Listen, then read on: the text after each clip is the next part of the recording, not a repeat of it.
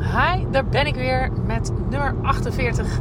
En uh, vandaag ga ik het hebben over hoe het juist um, veel meer kwaliteit wordt als je perfectionisme loslaat.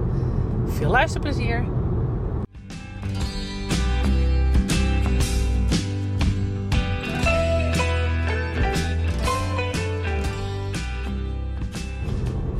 Vandaag dus een podcast over perfectionisme en dan vooral het perfectionisme wat in de weg staat van kwaliteit.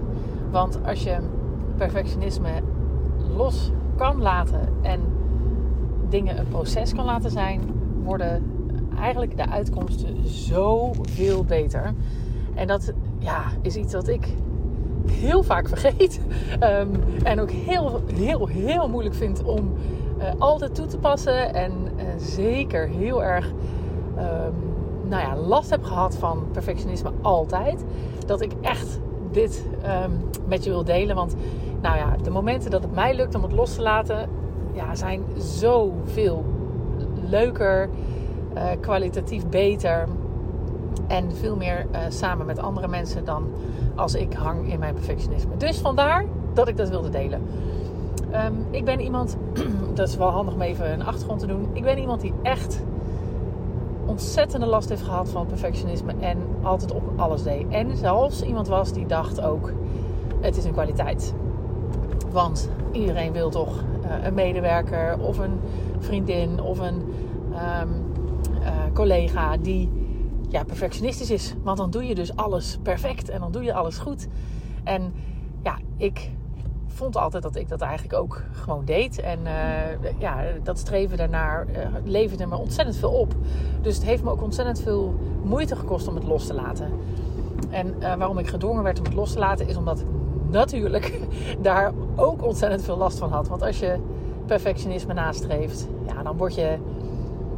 Dan, ja, dan word je tijd, zeg maar. Hè? Dus dan zit er ontzettend veel spanning op. Het is niet zomaar goed genoeg voor jezelf niet, maar ook voor anderen niet. Het betekent dat je nooit kan stoppen, want het is natuurlijk nooit perfect. Want ik kan misschien nog wel iets denken: oké, okay, perfect, perfecte resultaat is dat en dat. Maar voor iemand anders is dat misschien helemaal niet zo. Dus dan ga je ook denken: hoe vindt een ander dit product perfect als ik het af heb? Nou, dus dan draai je jezelf vast in een eindeloze ellende. En ik heb daar ook ontzettend veel uh, nou ja, spanning van ervaren in mijn hele loopbaan. Uh, tot dusdanig aan toe dat ik daar ook echt wel een paar keer overspannen van ben geweest. Super veel van geleerd heb, dus dat niet willen missen. Maar daarom kan ik wel, vind ik, ben ik gelegitimeerd om over dit onderwerp hartstikke te praten. En zeker nu ik toenemend leer hoe het zelfs beter wordt. Nou, dat is natuurlijk als je stiekem in jou nog ergens die perfectionist hangt. Dan, uh, dan vind je dit alleen maar hele leuke tekst. Het wordt zelfs beter als je het loslaat. Dus nou, dat is toch wel een goede reden om het eens uh, af te luisteren en te gaan proberen.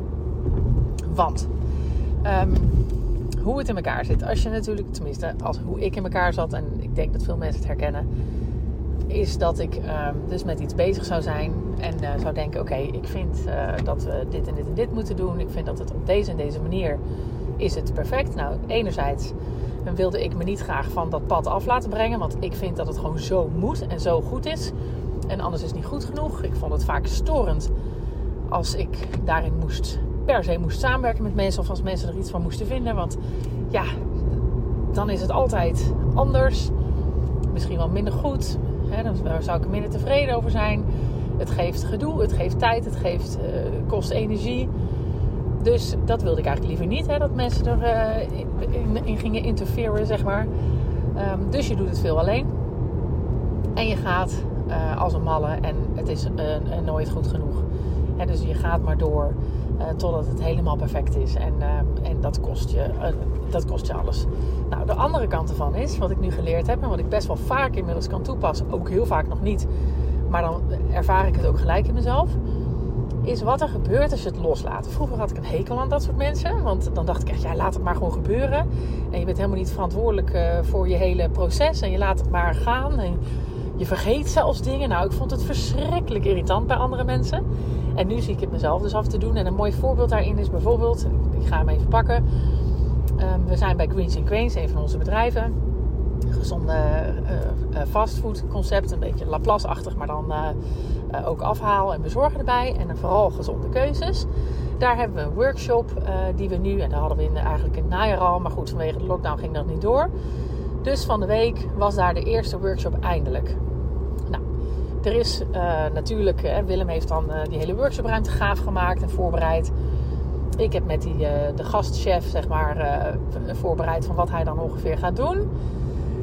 Nou, en door mijn eigen tijdgebrek, want dat was het eigenlijk stiekem wel ook wel een beetje. Um, door mijn tijdgebrek was ik niet enorm strak in de planning en in de voorbereiding. Oftewel, de gastchef appt mij op een gegeven moment. Oh, ik ben trouwens, uh, de boodschapjes heb ik alvast gedaan, hè, wat ik allemaal nodig heb. Oh ja, top. Vervolgens uh, kom ik aan. Want we hadden wel afgesproken dat ik als zeg maar een soort van de, gastvrouw van het bedrijf het zou openen. En even gelijk met mensen zou uitleggen. Had ik trouwens ook pas op het laatste moment bedacht. Maar um, dat ik ook even zou uitleggen wat, wat een beetje de bedoeling was en hoe het werkte. En nou, het was de eerste keer, dus ook voor de gastchef handig. En ook voor de medewerkers die van ons die aan het werk waren. Want het was natuurlijk hartstikke druk. Die hadden helemaal geen tijd voor. En ik kom aan en ik hoor van nou, het is... Um, uh, ik, van de gastchef, ik had nog eigenlijk dit even moeten doen. En uh, dat hadden we nog niet helemaal voorbereid. En um, ik heb ook nog maar even wat broodjes lekker op, de werkbanken gezet. Want ja, anders hebben mensen helemaal geen eten. Um, nou ja, dat soort dingen. Dus toen dacht ik, oh, hè, normaal gesproken zou ik gelijk denken... oh shit, dat had ik allemaal moeten voorbereiden. Wat slecht. Dan had ik me echt voor mijn kop geslagen intern. Echt de bestraffende juf had ik uh, uh, in mezelf opgeroepen en gezegd: Oh, dat had je allemaal moeten weten. En wat lullig dat hij dat nou gedaan heeft. En had ik moeten doen, had ik moeten organiseren. En dat heb ik niet gedaan. Wat knullig. Nou, ah, je kent het vast wel. Als je deze podcast luistert, ken je het vast wel. Dus dat vond ik hartstikke rottig. Of tenminste, dat vond ik vroeger dus hartstikke rottig. Nu dacht ik, ja oké, prima. Dat is dus een verbeterpunt. Heb ik ook gelijk zo uitgesproken van, oh ja, nou ja, we moeten leren. Hè, want het is uh, de eerste keer, dus hartstikke goed. Bedankt voor je input. Nou, vervolgens um, hadden ze, hè, we dachten van, oh ja, we moeten ook nog iets van een drankje hebben voor daarna. Dus dat was ook een beetje last minute dat ik dat georganiseerd. Vervolgens bij het afsluiten, want ik was na de opening was ik weggegaan met het afsluiten. Kwamen we ook achter een aantal dingen die niet helemaal goed werkten en die mensen dan een input gaven. En um, wat er nou gebeurt, um, wat eigenlijk heel leuk is, is normaal gesproken zou ik dit dus super strak, ook in de huidige tijd nog, zou ik dit echt wel super strak willen hebben georganiseerd. Dus ik zou um, hebben bedacht, wat moet er in de voorbereiding, wat moet er in de afsluiting, wat moet er tijdens, daarover afspraken maken. Dus over wie, uh, wie opent, wie uh, regelt eigenlijk de bedragen in de kassa, wie, um, wie zorgt dat de ruimte schoon is en dat de boodschappen in huis zijn had ik helemaal in mijn eentje, lees vooral in mijn eentje, uh, zitten bedenken. Nu liet ik dat best wel los. En wat nou blijkt, is dat mensen zelf zijn opgestaan en dingen hebben gedaan. Um, wat er ook ontstond, is dat we uh, input kregen van die broodjes uh, op de tafels. Nou, dat had ik van tevoren niet kunnen bedenken. Um, mensen voelden zich nu betrokken bij. Oh, maar dit liet niet helemaal. Zullen we dat de volgende keer zo doen? Kwamen gelijk ook met goede ideeën daarvoor. Waardoor het eigenlijk beter werd, had ik van tevoren niet kunnen bedenken. Maar ook vooral, als ik het van tevoren had bedacht, had niemand zich ook heel erg betrokken gevoeld bij deze workshop. Dan was het iets van die gastchef en van mij geweest. En ik nou boeien.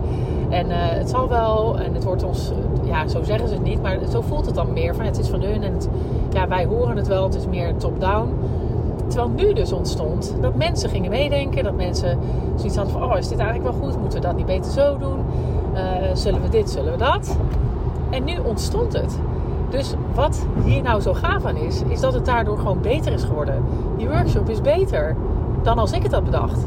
Kijk, tuurlijk is dan die eerste keer lopen een beetje tegen dingen aan. Maar als je kan vertrouwen op dat dingen ook wel goed komen. En dat, dat het proces er mag zijn. En dat je dus ook het moment um, laat zijn waartoe het zich mag ontwikkelen, zeg maar. Dat klinkt super um, gekkig, maar is wel echt heel wezenlijk. En precies deze zin, want die komt nu eigenlijk in me op, omdat we die in de eerste module van mijn opleiding die ik aan het doen ben, een leiderschapsopleiding, um, is dat iets wat die meneer die een theater uh, improvisatie met ons deed, ons meegaf. En die wil ik je echt nog een keer vertellen bij deze. Laat het moment zich ontvouwen tot wat het mag worden. En dat geldt dus ook niet alleen maar voor het moment, maar ook voor het proces. En geef dus daarin ruimte. Als het proces er mag gebeuren zoals het zich ontvouwt, dan geeft het dus juist ruimte aan mensen om hun input te geven. Dan geeft het ruimte aan vervolgens de ander om daarop te reageren of misschien feedback op te geven, een beetje bij te sturen. En dan doe je het echt oprecht samen. En als je het samen doet, dan wordt het zoveel sterker en krachtiger. En ja, dat vind ik zo'n gave les. En eigenlijk, ehm, als je het heel erg in dat perfectionisme blijft hangen. Uh, ja, ik word daar dus bazig van ook. Als ik, ehm, uh, als ik in dat perfectionisme hang. Bazig en sturend. Maar dan geef je dus ook de ander geen kans om uh, zijn kleur erbij toe te voegen. Dan geef je ook geen kans om spontane impulsen te laten ontstaan op een bepaalde gebeurtenis. Want dan is het zo strak geregisseerd. En dan wordt het dus niet een creatief, gaaf iets wat van ons allemaal is. Nee, dan wordt het gewoon een opgelegde instructie vanuit de baas of zo. En ja, dat vind ik zo leuk. Want uh, dit, dit is natuurlijk een heel concreet voorbeeld wat ik net noemde met die workshop. Maar dit geldt ook voor samenwerkingen. we hebben een managementteam en Ehm, daar zitten natuurlijk ook verschillen van visie. En we kunnen natuurlijk heel erg proberen te voorkomen dat ehm, dingen buiten, buiten de banden zeg maar, komt. Dus buiten de grenzen. Ehm, terwijl we die grenzen ook nog wel een beetje aan het ontdekken zijn. Terwijl als we het proces daar laten zijn, dan heb je dus juist dat je die vermenging krijgt van verschillende standpunten, verschillende referentiekaders, uh, verschillende kennis, verschillende levensvisie. Um, en dan binnen de kaders van onze eigen visie. En dan kan je dus daarin, ja, dan wordt het een soort snelkookpan van, uh, van verschillende smaken. En dat wordt altijd beter dan als je alleen maar vooraf um, een voorbereid recept in de magnetron doet. Hè, dan weet je wel zeker wat erin zit en dan weet je wel zeker hoe het eruit komt. Tenminste, meestal. maar dan krijg je dus niet die hele speciale smaken die je bijvoorbeeld in een um, in een Indonesisch gerecht hebt. Waardoor, omdat die smaken en die kruiden met elkaar werken en op elkaar inwerken en juist heel lang ook met elkaar uh, inwerken. Um, dus dat is misschien wel de, metafoor voor je perfectionisme is dan de magnetronmaaltijd. Waar je natuurlijk exact weet wat er gebeurt. En het perfectionisme loslaten en het proces er laten zijn zoals het zich ontvouwt. Dat is de Indonesische maaltijd. En um, ja, ik ik hoop dat het een beetje aanslaat dat je snapt wat ik bedoel. Um, en ik vind het natuurlijk ook heel leuk uh, om terug te horen van jullie. Ja, hoe jullie daar naar kijken. Of, daar, uh, of, of je daar nog iets op aan te vullen hebt. Dat is ook wel gaaf. Um, en ook dit, hè, die podcasts opnemen. Zorg, dat is een van de grootste dingen waar ik dus niet perfect in wil zijn. Ben ik bij lange na ook niet. Want ik neem het zoals nu ook op in de auto. En dat hoor je vast. Maar juist... Um, daardoor doe ik het. Daardoor deel ik dingen. Want als ik het perfect met een microfoon en in stilte moet doen, dan ga ik het dus nooit doen. Want ik heb nooit rust en stilte om me heen. Zelden in ieder geval. En, uh, en dan, is ook een, dan is het een soort geregisseerd moment. Terwijl het nu nou ja, een proces is wat ontstaat terwijl ik het zeg. En waar ik ook inspiratie toe heb als ik in de auto zit vaak. En dan is er ook geen geklets en geen telefoon om me heen. Dus, uh, dus zo doe ik dat. En, uh, en dan is 80% goed genoeg. En mijn 80% is misschien iemand anders de 20% goed genoeg. Maar zo so be it. Dat mag. En dan die persoon zal hier naar luisteren en denken... Ach, gos meis, wat ben jij aan het knulligen? En een ander luistert ernaar en denkt... Wauw, die neemt in ieder geval een podcast op. Nou ja, en uh, ik word in dat, in dat stuk super geïnspireerd door onder andere Evelien Bijl, de perfectionisme coach. En Celine Charlotte van het Woud. En dat is een hele inspirerende dame um, die ondernemerstips geeft op uh, Instagram. Uh, beide dames uh, inspireren me ook tot dit soort dingen. Dus ik denk, die noem ik ook even. Ik hoop dat je genoten hebt van deze aflevering. En ehm, nou, ik spreek je gauw. Doeg! Lieve mensen, dat was hem weer.